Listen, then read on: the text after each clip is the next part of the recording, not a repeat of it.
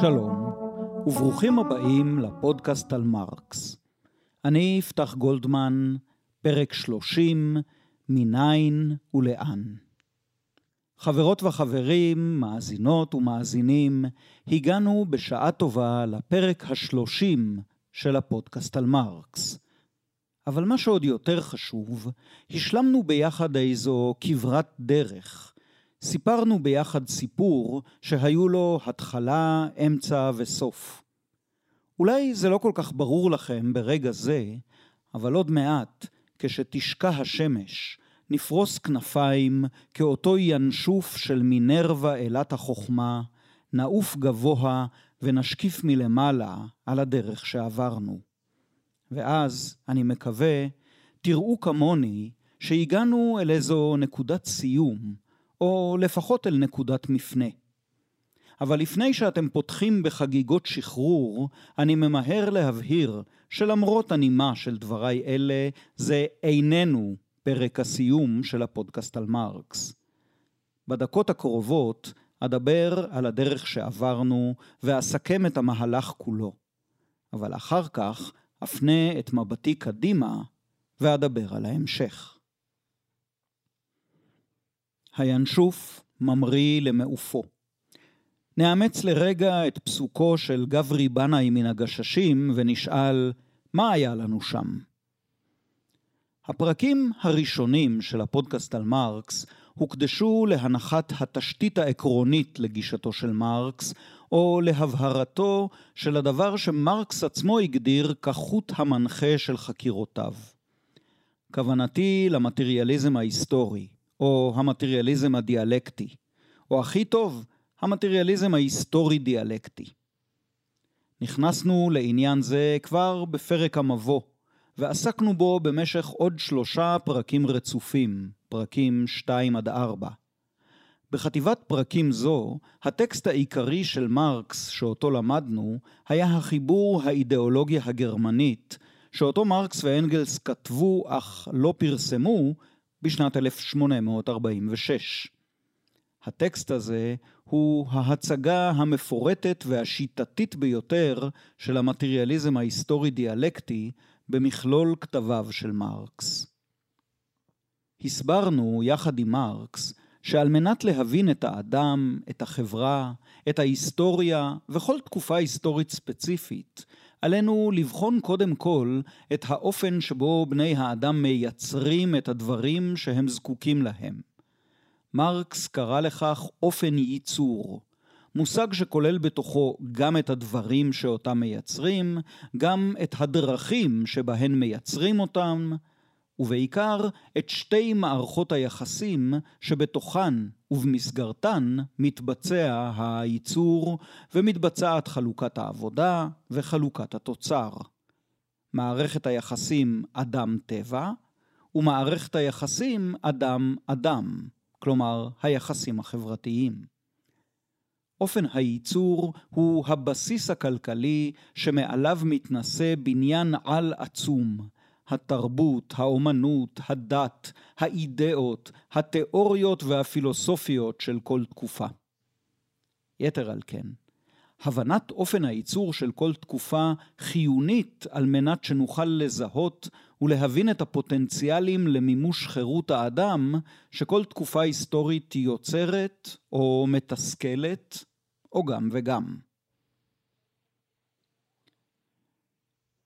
המטריאליזם ההיסטורי-דיאלקטי הוא התרומה התאורטית החשובה ביותר של מרקס למדעי הרוח, החברה והאדם. אולי במיוחד לחקר ההיסטוריה. נדמה שאחרי מרקס אי אפשר להיות היסטוריון בלי להיות לפחות קצת מטריאליסט היסטורי. בנקודה זו אבקש להרחיב מעט. כאשר אנחנו חוקרים חברה היסטורית מסוימת, אנחנו מזהים די בקלות איזו לכידות בין רכיבים תרבותיים, חברתיים, פוליטיים, משפטיים, כלכליים וחומריים של אותה חברה.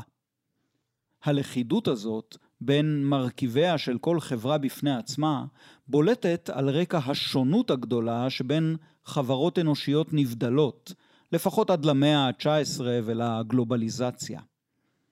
היוונים של התקופה הקלאסית, למשל, חיו בקהילות עירוניות עצמאיות, התקיימו בעיקר מחקלאות בשטחים שסביב העיר, מלאכה בעיר עצמה ומסחר ימי על פני כל הים התיכון. הם החזיקו בתפיסה פוליטית המבוססת על אזרחות. לכל פוליס היה חבר אזרחים, ואנשי חבר האזרחים היו שותפים פעילים בדרגה זו או אחרת בקבלת ההחלטות הפוליטיות. האזרחים שירתו כחיילים, בדרך כלל רגלים, בצבא הפוליס, ולה הייתה נתונה נאמנותם. הם העריכו ופיתחו את החשיבה הרציונלית, את המדע, את הפילוסופיה ואת אומנות הדיון והוויכוח.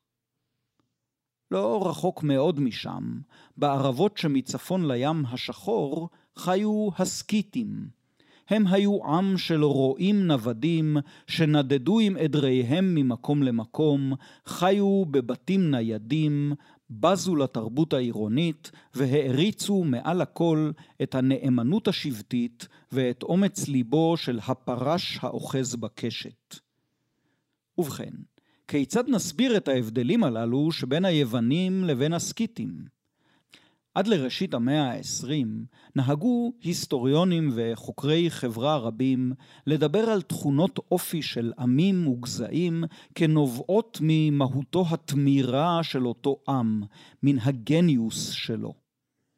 אם היינו אוחזים בהסבר כזה, היינו צריכים לומר שהסקיתים הם מטבעם פרשים ולוחמים הנמשכים אל חיי ההרפתקה והשוד.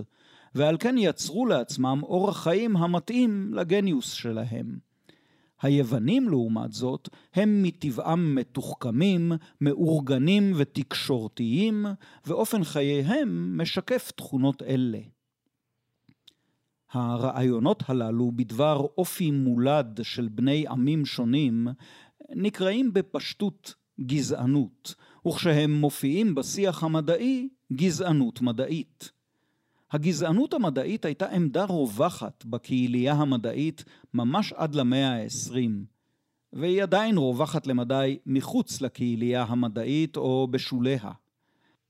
אבל מכלול הטענות שעליהן מבוססת הגזענות המדעית הותקפו ועורערו בעשורים האחרונים כמעט מכל כיוון מדעי אפשרי, ובעיקר ככל שהדברים אמורים בתכונות אופי של בני עמים שונים.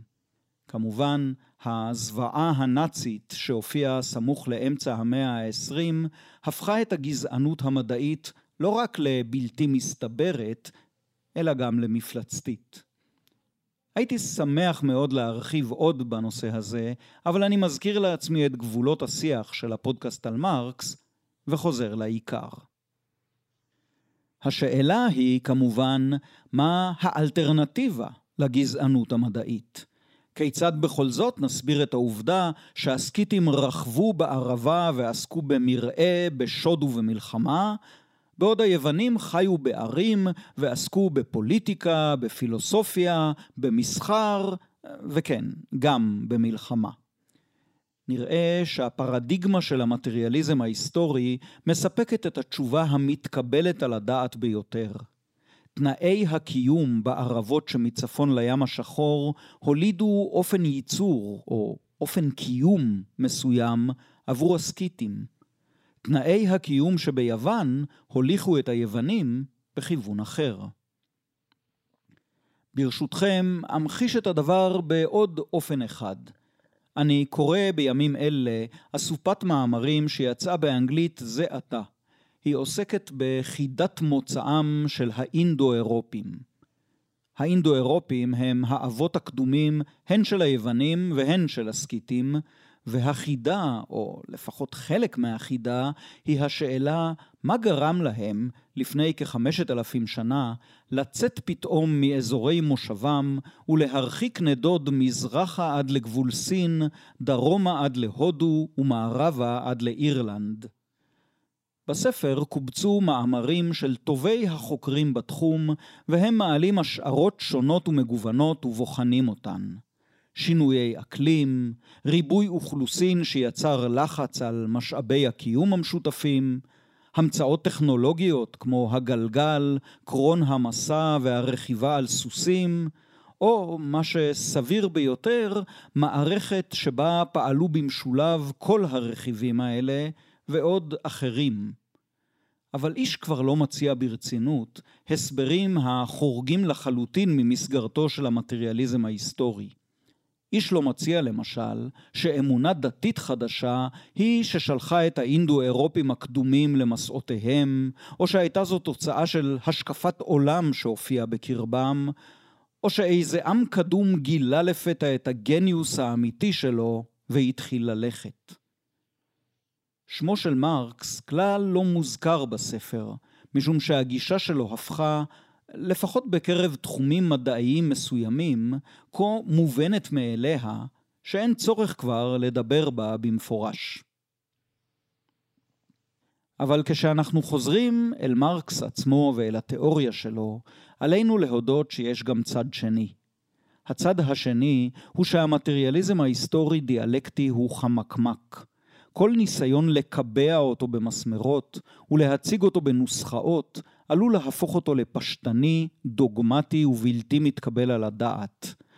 ואם מרופפים את המטריאליזם יתר על המידה, הוא עלול להפוך לאמירה טריוויאלית מהסוג של You are what you eat. דיברתי קצת על בעיה זו לקראת סוף הפרק הרביעי של הפודקאסט על מרקס. הצעתי לכם אז לנסות לרקוד עם המטריאליזם ההיסטורי-דיאלקטי. מה שניסיתי לומר באמצעות המטאפורה הזאת הוא הדבר הבא. אצל מרקס הכל נמצא בזרימה, וכדי להבין אותו צריך להיכנס לריתמוס. הכל תהליכי. כל רכיבי ההוויה נתונים ביחסי גומלין מורכבים, ושום דבר איננו סטטי, קבוע ונצחי. אולי עם הנצח לא פוחד מדרך ארוכה, אך האמת היא שלא העם הוא הנצחי, אלא הדרך. בני האדם עושים את דרכם ההיסטורית מתוך התמודדויות מתמשכות עם הצורך לייצר את האמצעים לסיפוק צרכיהם.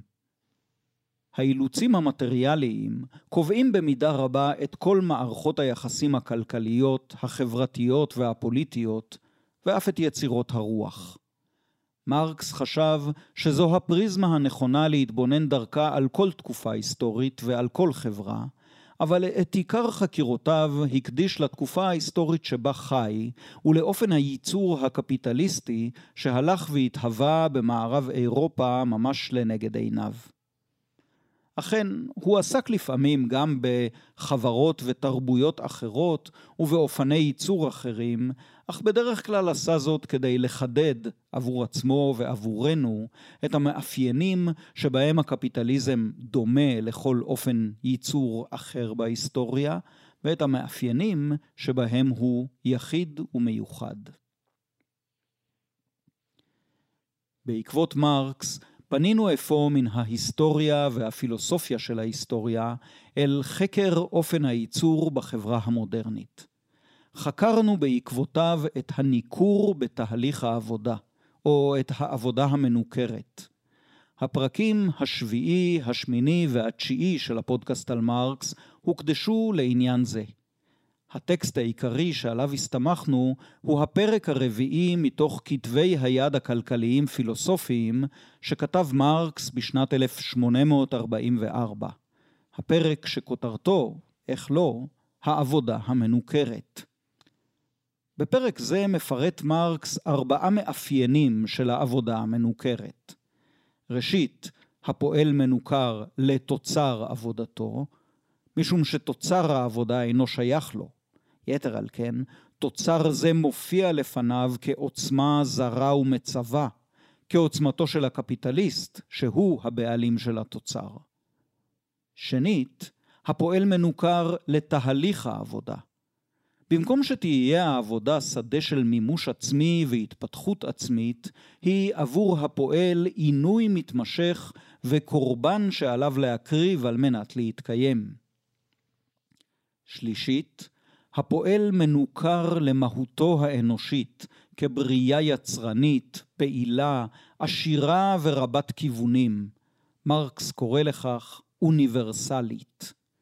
האוניברסליות הפוטנציאלית הזו של האדם מוכחשת ומתוסכלת כשהוא רתוק כביכול אל אופן פעילות אחיד, חד גוני ומפרך, וכל זאת כדי להבטיח את קיומו הפיזי.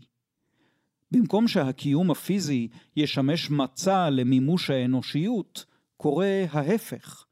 המהות האנושית היוצרת, בצורתה המנוכרת, משרתת את הקיום הפיזי, שגם הוא מופיע באופן מנוכר. ורביעית, הפועל מנוכר לאחיו בני האדם. הקפיטליסט שולט בו ולוקח ממנו את פעולתו ואת תוצר פעולתו, ואחיו הפועלים נמצאים עמו בתחרות מתמדת על מקומות העבודה ועל הפרנסה הדלה שמקומות אלה מציעים להם. עולם העבודה הוא שדה מאבק, תחת שיהיה מרחב של שיתוף וסולידריות חברתית. יש ויכוח גדול וארוך שנים בין המלומדים עד כמה חשובים כתביו המוקדמים של מרקס, ובמיוחד עד כמה חשובה הקטגוריה ניכור לשם הבנת מכלול הגותו. הוויכוח נובע, בין השאר, מכך שמרקס עצמו לא פרסם אף פעם את כתבי היד הכלכלים-פילוסופיים שלו משנת 1844. הם התפרסמו רק 50 שנה אחרי מותו של מרקס, ואחרי שכבר היה מרקס לגיבורן של תנועות, מפלגות, ואפילו מדינות שקראו לעצמן סוציאליסטיות או קומוניסטיות. אבל באורח פרדוקסלי, הוויכוח שנסוב לכאורה על נקודת המוצא של ביקורת הקפיטליזם מאת מרקס, הוא גם ויכוח סמוי או מפורש על אודות המסקנה של ביקורת זו.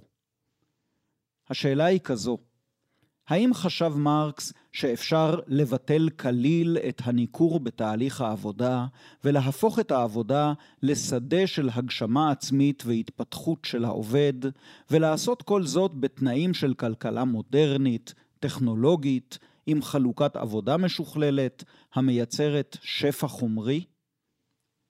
אם זהו אתגר חברתי בלתי אפשרי, אוטופיסטי מדי, הרי אנו נוטים לפרשנות האומרת שמרקס המאוחר, שפגש במקום שבטו באנגליה את מלוא עוצמתו של הקפיטליזם המתועש, הבין שאפשר לעשות את היחסים החברתיים לאנושיים יותר, חופשיים יותר ובלתי נצלניים, אבל העבודה, גם בחברה חופשית, תישאר עבודה. כלומר עמל, כלומר איזה תחום חברתי שבו אנשים נאלצים לעבוד כדי לקיים את התשתית החומרית של החברה שלהם. את המימוש העצמי וההתפתחות האישית הם יעשו בעיקר אחרי שעות העבודה. אם כך, הרי שיש להקדיש הרבה יותר תשומת לב להיבטים אחרים של תורת מרקס, ואילו את דברי הביקורת שלו על העבודה המנוכרת אפשר להבין כאיזה שלב ראשוני ובוסרי של מבקר הקפיטליזם, שהוא עדיין הומניסט קלאסי, לפחות באותה מידה שהוא קומוניסט מודרני. לעומת זאת, ככל שאנחנו מניחים שדווקא בתנאים תעשייתיים סופר מתקדמים, כגון אלה הקיימים בימינו, יכולה כמעט כל עבודה להופיע כשדה של התפתחות, של יצירה ושל רב גוניות עבור העובד, הרי שאותה ממלכת הכרח של עבודות שאינן ביטוי של האנושיות, אלא הן משועבדות אל צורכי הקיום, עתידה להצטמצם מאוד בחברה חופשית. העבודה תשנה את פניה לחלוטין, וההבדל הגדול שבין תחום העבודה לתחום הפנאי ילך וייעלם, ילך וייטשטש. ואם כך, אם אכן אפשר לבטל באופן רדיקלי את הניכור בתהליך העבודה עבור מיליארדי בני האדם החיים על כדור הארץ, הרי שביקורת העבודה המנוכרת שכתב מרקס בראשית דרכו רלוונטית מאין כמוה. רלוונטית אף יותר ממה שידע מרקס עצמו, שהכיר רק תעשייה מונעת קיטור של אמצע המאה ה-19. כשם שלא הכרעתי במחלוקת הזאת כשהצגתי אותה לראשונה, בפרק התשיעי של הפודקאסט על מרקס, לא אכריע בה גם היום. רק אומר שבעיניי זהו אחד הדיונים היותר פוריים בפרשנות מרקס. לא כל כך כדיון בשאלה מה באמת חשב מרקס, אלא בעיקר כדיון בשאלה מה מן התיאוריה של מרקס רלוונטי לחיינו שלנו, ובאילו אופנים הוא רלוונטי. בצידה של הקטגוריה הביקורתית ניכור, ניצבת בהגותו של מרקס הקטגוריה הביקורתית ניצול. וכאן שוב מחלוקת. האם ניצב הניצול בצד הניכור, או אולי הוא תופעה מסוימת, היבט מסוים של הניכור? אבל לפחות אין מחלוקת על כך שהקטגוריה ניצול היא מרכזית הרבה יותר במכלול כתביו של מרקס, במיוחד כאשר אנחנו מתרגמים אותה למושג הכלכלי הניטרלי לכאורה, גריפת הערך העודף. חטיבת הפרקים 10 עד 15 בפודקאסט על מרקס הוקדשה לבירור עניין זה, וקראנו בהם בעיקר מן הכרך הראשון של הקפיטל. הצגתי את המכניזם של אופן הייצור הקפיטליסטי, על פי מרקס, ומדוע הניצול, כלומר גריפת הערך העודף, מהותי לקפיטליזם. על פי האנליזה שמציג מרקס לקפיטליזם, התפתחותו של אופן ייצור זה מניחה ביסודה כמה תנאים היסטוריים, כלומר כמה תהליכים היסטוריים, וביחס גומלין הקפיטליזם עצמו מעמיק ומעצים את התהליכים האלה. ראשית, הכלכלה צריכה להפוך לכלכלת שוק. כלומר לכלכלה שבה הרוב המכריע של הייצור מכוון לייצורן של סחורות הנמכרות בשוק. היום, לאחר כמעט 200 שנה של כלכלת שוק, זה נראה לנו טריוויאלי. לכן חשוב לזכור שלאורך הרוב המכריע של תולדות האדם, הייצור לא היה מכוון אל השוק, אלא לצריכה ישירה.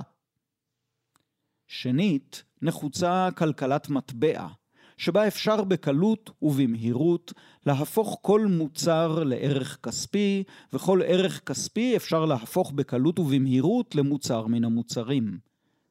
וגם זה כלל לא היה דבר מובן מאליו לפני המאה ה-19. זה לא היה מובן מאליו גם בכלכלות שכבר הכירו את המטבע והשתמשו בו. שלישית, נחוצה קדמה טכנית, וכשמרקס אומר קדמה טכנית באמצע המאה ה-19, הוא מדבר על מפעלי תעשייה שבהם משתמשים במכונות המונעות בדרך כלל בקיטור, המופק בדרך כלל מפחם. וחמישית, הקפיטליזם מניח ביסודו את הופעתה בשוק של סחורה מיוחדת במינה, סחורה ששמה כוח עבודה אנושי. כמובן, סחורה זו לא מופיעה בשוק כך סתם משום מקום. יש לה בעלים, בעלים טבעי אם תרצו, וזהו הפועל. הוא שוחרר מאדוניו הפאודליים, והוא נתפס עתה כאדם חופשי, כלומר כבעלים של אישיותו, גופו ורוחו. אבל הפועל שלנו מתקיים בתוך כלכלת שוק, הוא כבר לא יכול לייצר לעצמו בעצמו את צורכי מחייתו, כפי שעשו אבות אבותיו. אין לו שום אמצעי ייצור, וגם לא נגישות אל אמצעי הייצור. הוא נאלץ אפוא לקנות את הדברים הדרושים לו לקיומו. וכדי לקנות אותם, הוא זקוק לכסף. וכדי שיהיה לו כסף, הוא צריך למכור משהו. והדבר שאותו הוא מוכר הוא כוח עבודתו. הפועל מוכר כוח עבודה, הקפיטליסט קונה כוח עבודה. עכשיו אפשר להתחיל לייצר. לסחורה זו, ששמה כוח עבודה אנושי, יש כמה וכמה תכונות ייחודיות. התכונה החשובה ביותר לענייננו היא זו. הקפיטליסט קונה אותה תמיד למטה מכפי ערכה. הסברתי את זה בהרחבה, בעיקר בפרק 11 של הפודקאסט על מרקס, תוך הסתמכות על תורת הערך של העבודה, שמרקס אימץ מן הכלכלנים שקדמו לו, אם כי באורח ביקורתי. אבל בעצם זה ברור לחלוטין גם בלי תיאוריה כלכלית מסובכת. נניח שהקפיטליסט מוכר את תוצר העבודה שנעשתה בעסק שלו ב-100 דולרים בסיומו של מחזור הייצור. כמה ישלם בעל העסק לפועלים בצורת שכר? מאליו מובן שהוא ישלם להם פחות ממאה, שכן העסק צריך להרוויח. והרווח הוא בדיוק הפער שבין ערך המוצרים שהפיקה עבודת הפועלים לבין ערך המשכורות שקיבלו הפועלים. חלק מן הרווח הזה משמש את הקפיטליסט לצריכתו הפרטית, שכן גם הקפיטליסט צריך לאכול ולהאכיל את בני משפחתו. אבל זה לא החלק החשוב והמשמעותי של הרווח. החלק החשוב והמשמעותי של הרווח הופך שוב להון יצרני ומושקע מחדש במחזור ייצור נוסף, בצורת חומרי גלם חדשים, מקורות אנרגיה חדשים וכן הלאה. כל הנס או מעשה הכשפים של הגדלת הרווח וצבירתו עומד על כך שלכוח העבודה האנושי, כשהוא מופיע כסחורה בשוק הסחורות, יש שני ערכים שונים. ערכו הסחורתי, כלומר המחיר שמשלמים עבורו, כלומר השכר, הוא ערך אחד, וערך הסחורות שכוח עבודה זה מייצר הוא ערך אחר, גבוה יותר. והפער בין השניים הוא הערך העודף או עודף הערך. הקפיטליסט גורף אליו את הערך העודף של עבודת השכיר, וגריפה זו של הערך העודף היא-היא הדבר שמרקס קרא לו ניצול. מדוע הפועל מוכר את כוח עבודתו לקפיטליסט? מדוע כאדם חופשי הוא גוזר על עצמו עבודה בתנאים של ניכור וניצול? אמרנו כבר, הוא חייב להתקיים, ואין לו נגישות אל אמצעי ייצור משלו. בלי אמצעי ייצור, הוא לא יכול לייצר מוצרים ולמכור אותם בשוק. הדבר האחד שהוא יכול למכור זה את עצמו, כלומר את כוח עבודתו. כשהדברים מוצגים כך, צפה ועולה השאלה מדוע אמצעי הייצור הם רכושם הפרטי של הקפיטליסטים. ובעצם מוטב לשאול מדוע הקפיטליסטים מוכרים כבעלים הפרטיים של אמצעי הייצור. מדוע אמצעי הייצור שכל בני החברה עובדים בהם ומייצרים בהם מוחזקים בידיים פרטיות, בבעלות פרטית של קבוצה קטנה של אזרחים? מעמד הקפיטליסטים בעלי ההון. כלכלנים ממסדיים, כאז כן היום, לא רואים כאן כל קושי. לשיטתם, המפעלים, המכונות, מאגרי הדלק וחומרי הגלם של חברת ימאה הם רכושו הפרטי של האדון טורקוסו ימאה, ממש באותו אופן שהחולצה שאני לובש עכשיו והתפוח שאוכל בסוף ההקלטה הם רכושי שלי. החולצה והתפוח הם שלי משום שקניתי אותם, או משום שהגיעו לידיי בדרך לגיטימית אחרת, מתנה למשל. ובדיוק כך, אמצעי הייצור של חברת ימאה שייכים לאדון ימאה משום שקנה אותם, או שהגיעו לידו בדרך לגיטימית אחרת. אבל גישה זו מחמיצה שלושה דברים חשובים.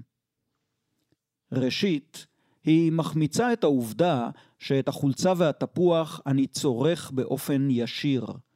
אדון ימאה לא צורך בעצמו את אמצעי הייצור שלו, את חומרי הגלם ואת הדלק, אלא הוא רותם אליהם אה, כוח עבודה של פועלים שכירים. כלומר, אמצעי הייצור משמשים לו לא לצריכה, אלא להשגת עמדה אדנותית, נצלנית ומנוכרת כלפי בני אדם אחרים. שנית, הטענה שאמצעי הייצור של טורקוסו ימה הם שלו משום שקנה אותם, רק מעבירה את השאלה צעד אחד אחורה.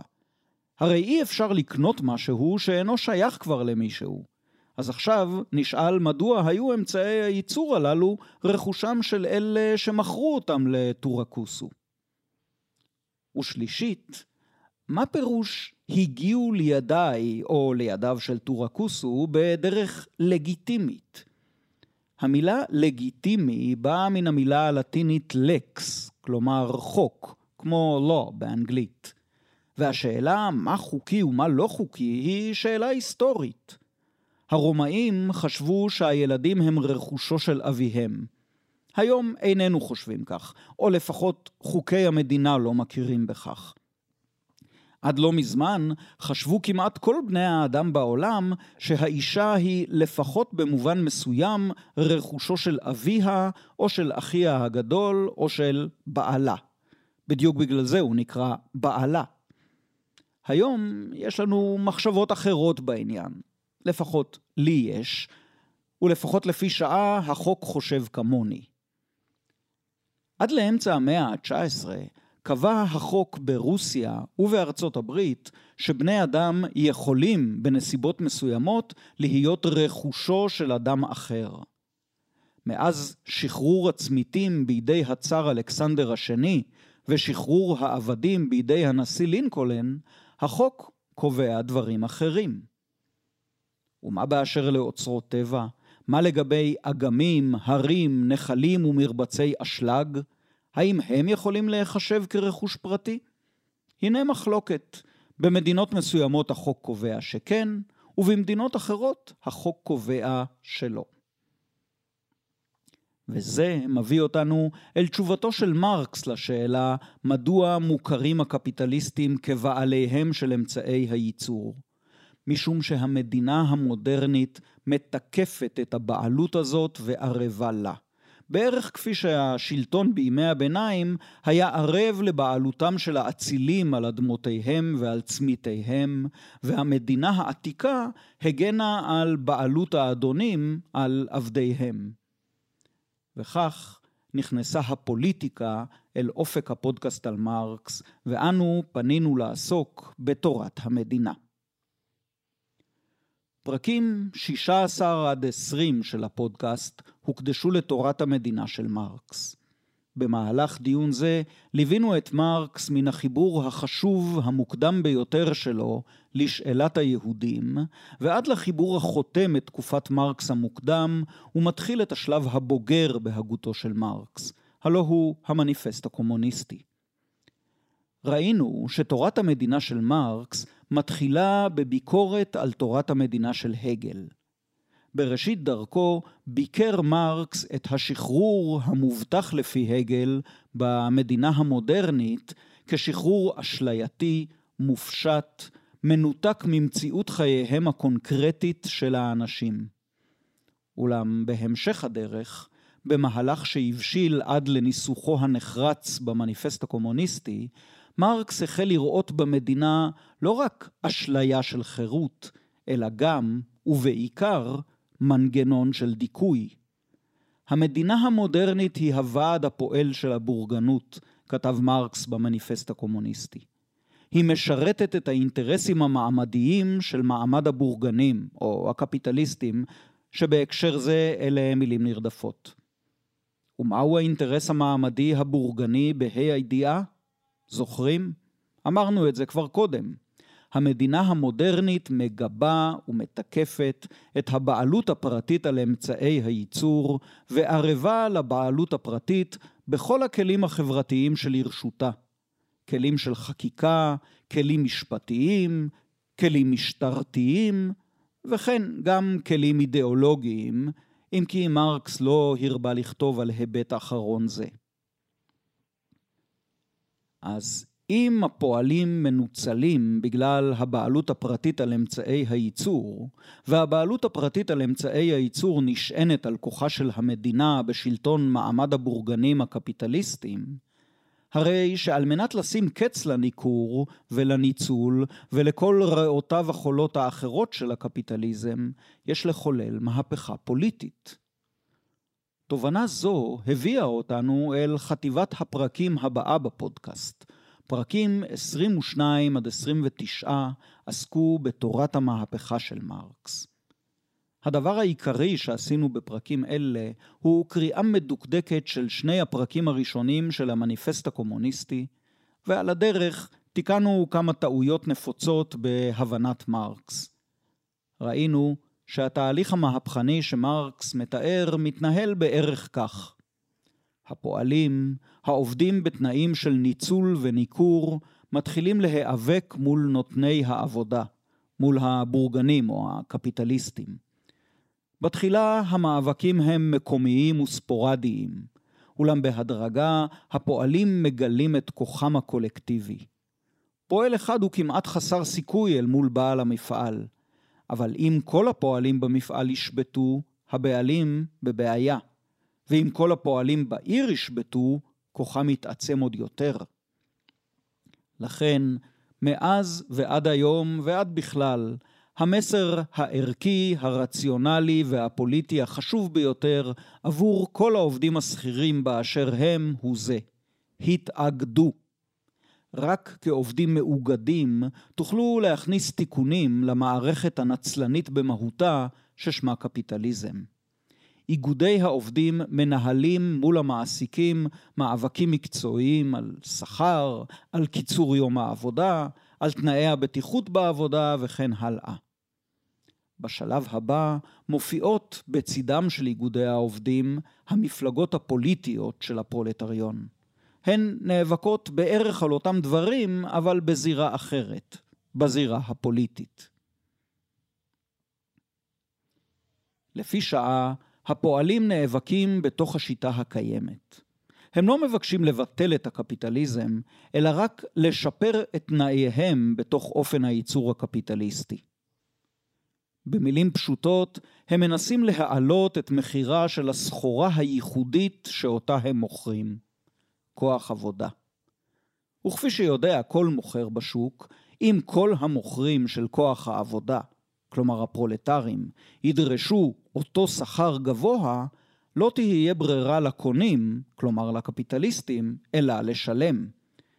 אבל אם יופיעו מפרי שביתה שיסכימו לעבוד בפחות, או שהמדינה תאפשר לקפיטליסטים לייבא עובדים מחוץ לארץ, או תשלח את החיילים למלא את מקומם של השובתים, כוחם של הפרולטרים עלול להישבר, והם ייאלצו להתפשר על פחות, על הרבה פחות. תראו את הסרט בילי אליוט, אם עוד לא ראיתם, אבל בטח ראיתם. נחזור אל התיאור האופטימי הנפרס במניפסט הקומוניסטי. בהדרגה מבעד למאבק הטרייד יוניוניסטי, כלומר המאבק של איגודי העובדים, ומבעד למאבק הפוליטי, הפרולטרים מגלים את כוחם ומגדילים את כוחם. בהדרגה הם מתחילים להבין. הם מבינים שגם אם יחוללו תיקונים מסוימים בקפיטליזם, הוא יישאר אופן ייצור נצלני הגוזל מהם את כבודם ואת אנושיותם.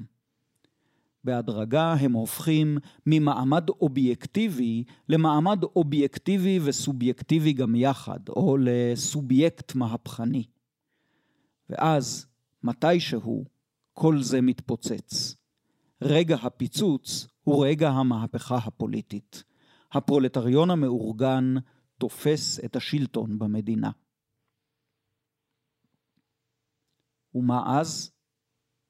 עבור מרקס ואנגלס זה כמעט סוף התהליך שהם מוכנים לתאר.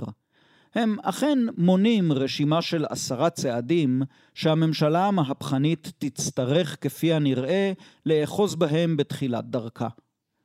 ראינו שהצעדים האלה אינם בשום אופן ביטול מלא, מיידי ומוחלט של הקפיטליזם. הם דומים הרבה יותר לכלכלה קיינסיאנית, אבל הם מתניעים תהליך, או אמורים להתניע תהליך, המעביר בהדרגה יותר ויותר אמצעי ייצור מידיים פרטיות לידי הציבור המאורגן. תהליך ההופך בהדרגה את הכלכלה מפעילות המבוססת על כורח ומאבק לפעילות חופשית וסולידרית. תהליך המבטל בהדרגה את ההבדלים המעמדיים, ובסופו של דבר מבטל גם את שלטונו של הפרולטריון כמעמד. בחברה החופשית אין שלטון ציבורי במובן המוכר לנו כשלטון פוליטי, וודאי שאין מעמדות ואין פרולטריון. לבסוף, בקו דק מן הדק, מתרמזת לנו מכתבי מרקס דמותה של חברה שהתגברה באופן סופי על הקפיטליזם. זוהי חברה מתקדמת, מודרנית, מתועסת, אבל מפעלי התעשייה לא מייצרים רווחים לקפיטליסטים, אלא רווחה חומרית לכל בני החברה. ובני האדם לא מוכרים את כוח עבודתם לאחרים, אלא נוטלים חלק בתהליך העבודה כאופן ביטוי של אנושיותם, של חירותם ושל טבעם החברתי. הסדר הציבורי נשמר, וגם יש דפוס כלשהו של שלטון ציבורי, אך הוא מאבד את אופיו הפוליטי, שכן הוסרה מעליו המשימה להגן על האינטרסים הפריבילגיים של מעמד אחד בתוך מלחמת המעמדות. השלטון הציבורי יכול עכשיו לעסוק במה שהוא נועד לעסוק בו כבר בהגותם של אפלטון ואריסטו הקדומים, בניהול ענייני הפוליס. מאליו מובן שזו חברה דמוקרטית שבה האזרחים שולטים על עצמם ובאופן הרבה יותר קונקרטי והרבה פחות מופשט מכפי שהדבר מוכר בדמוקרטיה הליברלית שלנו. אפשר לשער, אם כי הדבר לא כתוב במפורש אצל מרקס, שהחברה תהיה מורכבת ממארג עשיר של קואופרטיבים יצרניים וצרכניים וקהילות שיתופיות מגוונות בצורותיהן, אשר ינהלו את ענייניהם המשותפים באמצעות מבנה שלטוני פדרטיבי. פעם, לפני שנים, כתבתי הגדרה לסוציאליזם. אני מדגיש, זו הגדרה שלי, יפתח גולדמן, לא הגדרה של מרקס, אם כי נדמה לי שהיא לגמרי ברוחו של מרקס. והיא אומרת כך: סוציאליזם הוא החתירה המודעת של בני האדם להשתחרר מן הכפיפות המשעבדת למנגנון הייצור והחלוקה של הסחורות ולכונן עצמם כחופשיים לעצב את חייהם כראות עיניהם. יצירתו של מצב זה כרוכה בביטול הבעלות הפרטית על אמצעי הייצור ובהשתחררות משלטונו של עקרון הרווח על הפעילות הכלכלית. הסוציאליזם שואף לניהול חברתי של הכלכלה, קבלת החלטות משותפת, דמוקרטית, הומניסטית ורציונלית בשאלות הכלכליות כגון מה מייצרים, כמה מייצרים, מי מייצר, איך מחלקים את התוצר וכן הלאה. מכאן שסוציאליזם פירושו מאבק להתגברות על הקפיטליזם, כמו גם על צורות אחרות של ניצול כלכלי ודיכוי חברתי פוליטי. וזה, חברות וחברים, מחזיר אותנו אל נקודת המוצא של הפודקאסט על מרקס. זוכרים מה אמרנו על המטריאליזם ההיסטורי-דיאלקטי? אמרנו כי בני האדם עושים את דרכם ההיסטורית מתוך התמודדות מתמשכת עם הצורך לייצר את האמצעים לסיפוק צרכיהם. האילוצים המטריאליים קובעים במידה רבה את כל מערכות היחסים הכלכליות, החברתיות והפוליטיות, ואף את יצירות הרוח. לא אמרתי את זה לפני שנה, אלא ממש בראשית הפרק הנוכחי. ובכן, מהפכת השחרור לא תשחרר את בני האדם מן הצרכים המטריאליים שלהם, וגם לא מן העבודה הנחוצה לשם סיפוק הצרכים. האנשים בחברה המשוחררת לא יהפכו למלאכים נטולי גוף פיזי, וגם לא לישויות כחלחלות עם חטח המרחפות על פני כל השטח. סליחה, זה מאיר אריאל, לא מרקס. אבל בחברה החופשית, בני האדם יארגנו באופן ריבוני, תבוני וסולידרי את תהליך העבודה, את חלוקת המטלות ואת חלוקת התוצר. הם יזכו אפוא במידה של חירות, במידה גדולה מאוד של חירות, לא מחוץ לאילוצים המטריאליים, אלא במסגרתם. אופיו הכופה והמשעבד של המטריאליזם ההיסטורי-דיאלקטי התבטל, או לפחות הצטמצם מאוד, באופן היסטורי ודיאלקטי.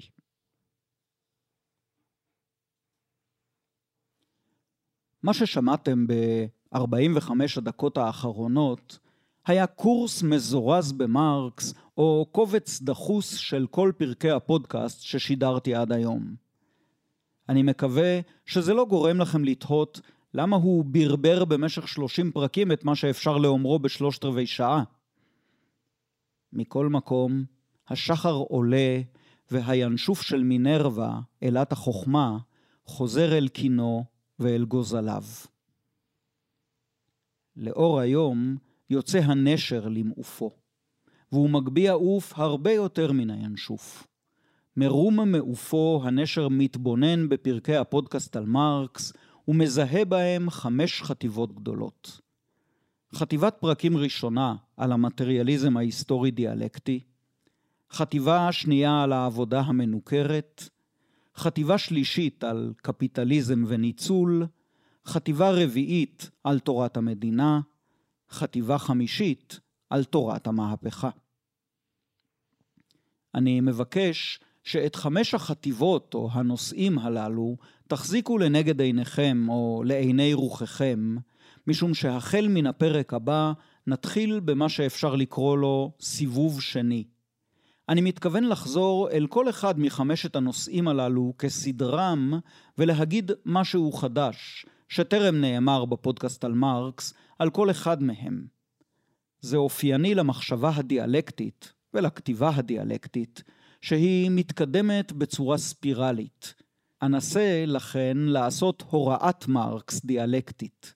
מצוידים בתמונה השלמה פחות או יותר, שציירתי בפרקים הקודמים, נבקר שוב בכל אחד מחלקי התמונה העיקריים. הסיבוב השני הזה לא יהיה ארוך כמו הראשון.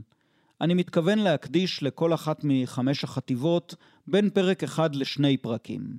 כך שיש לשער שהסיבוב השני כולו יחזיק בערך שבעה או עשרה פרקים לכל היותר. אחר כך אני מתכנן מעין סיבוב שלישי, שבו אדון באופן פחות שיטתי בכמה סוגיות מעניינות במשנת מרקס שלא מצאו את מקומן בפרקים הקודמים. אני מניח שגם חלק זה יהיה בסדר גודל של כשבעה פרקים. ואז, רק אז, לאחר עוד בערך חמישה עשר פרקים, אי שם לקראת הפרק החמישים, הפודקאסט על מרקס יגיע אל סיומו. זה בטח יקרה בעוד שנה בערך. ומה אעשה אז? אני עוד לא יודע. זה עוד המון זמן. אני מהרהר בכמה אפשרויות. אולי אהפוך לזמר נודד, או לשכיר חרב, או אתגייס לצי הסוחר. אבל לפני שכל זה יקרה, נתחיל את הסיבוב השני. ונתחיל אותו במקום שבו התחלנו את הסיבוב הראשון, כלומר בהתחלה, כלומר במטריאליזם ההיסטורי-דיאלקטי. אבל לא עכשיו. וגם לא בעוד שבועיים.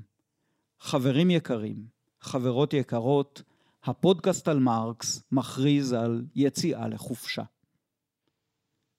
יש לכך כמה סיבות, אבל החשובה שבהן היא זו. הפרקים הבאים של הפודקאסט צפויים להיות מאתגרים למדי לכתיבה. אני רוצה לוודא שאני יודע מה אני רוצה להגיד בכל אחד מן הפרקים האלה, לפתור כמה בעיות תמטיות, לכתוב ואולי גם להקליט כמה פרקים מראש לפני שאני חוזר לשדר. כמה זמן תארך החופשה? אני לא יודע בדיוק. אולי תחפוף במדויק את יולי-אוגוסט, אולי קצת פחות, אולי טיפה יותר. אבל אל דאגה, אני מבטיח לחזור. ואני מבטיח שכשאחזור אפיץ את הבשורה ברשתות. במהלך הקיץ אני מתכוון לעשות עוד שני דברים הקשורים לפודקאסט על מרקס. ראשית, אני אפקוד מדי פעם את דף הפייסבוק של הפודקאסט, ואעלה לשם חומרים, ובעיקר תשובות לשאלות שהגיעו אליי, ואולי עוד יגיעו, ושלא עניתי עליהם במסגרת הפרקים המשודרים. ושנית, לאחר הרבה התלבטויות, החלטתי להיענות לבקשות שהפנו אליי כמה מאזינים, ולהעלות לאתר הפודקאסט על מרקס את תמליל ההקלטות כקבצי PDF. אז גם זה יקרה במהלך הקיץ. רק בקשה קטנה, אם אתם נעזרים ב-PDFים הללו, זכרו שזה לא ספר או מאמר, זה תמליל של הקלטה. אני לא מתכוון לעבור על המסמכים האלה, לא לדייק, לא להוסיף מראה מקום, לא לתקן טעויות. כלומר, לא חלים על הטקסטים הללו הכללים המחמירים שחלים על טקסט אקדמי כתוב. זה פשוט פודקאסט על נייר. בסדר? אז זהו, חברות וחברים, הפרק השלושים של הפודקאסט על מרקס הגיע אל קיצו, ויחד איתו הסתיים המחזור הראשון של הפודקאסט. אנחנו יוצאים לחופשת קיץ. תודה ליאיר סיטבון על המוזיקה ועל הפקת הסאונד. תודה לרענן שמש פורשנר. נדמה לי שלא הזכרתי אותו היום, אבל הוא תמיד שם. אני, יפתח גולדמן, מודה לכם, לכולכם, על שהאזנתם.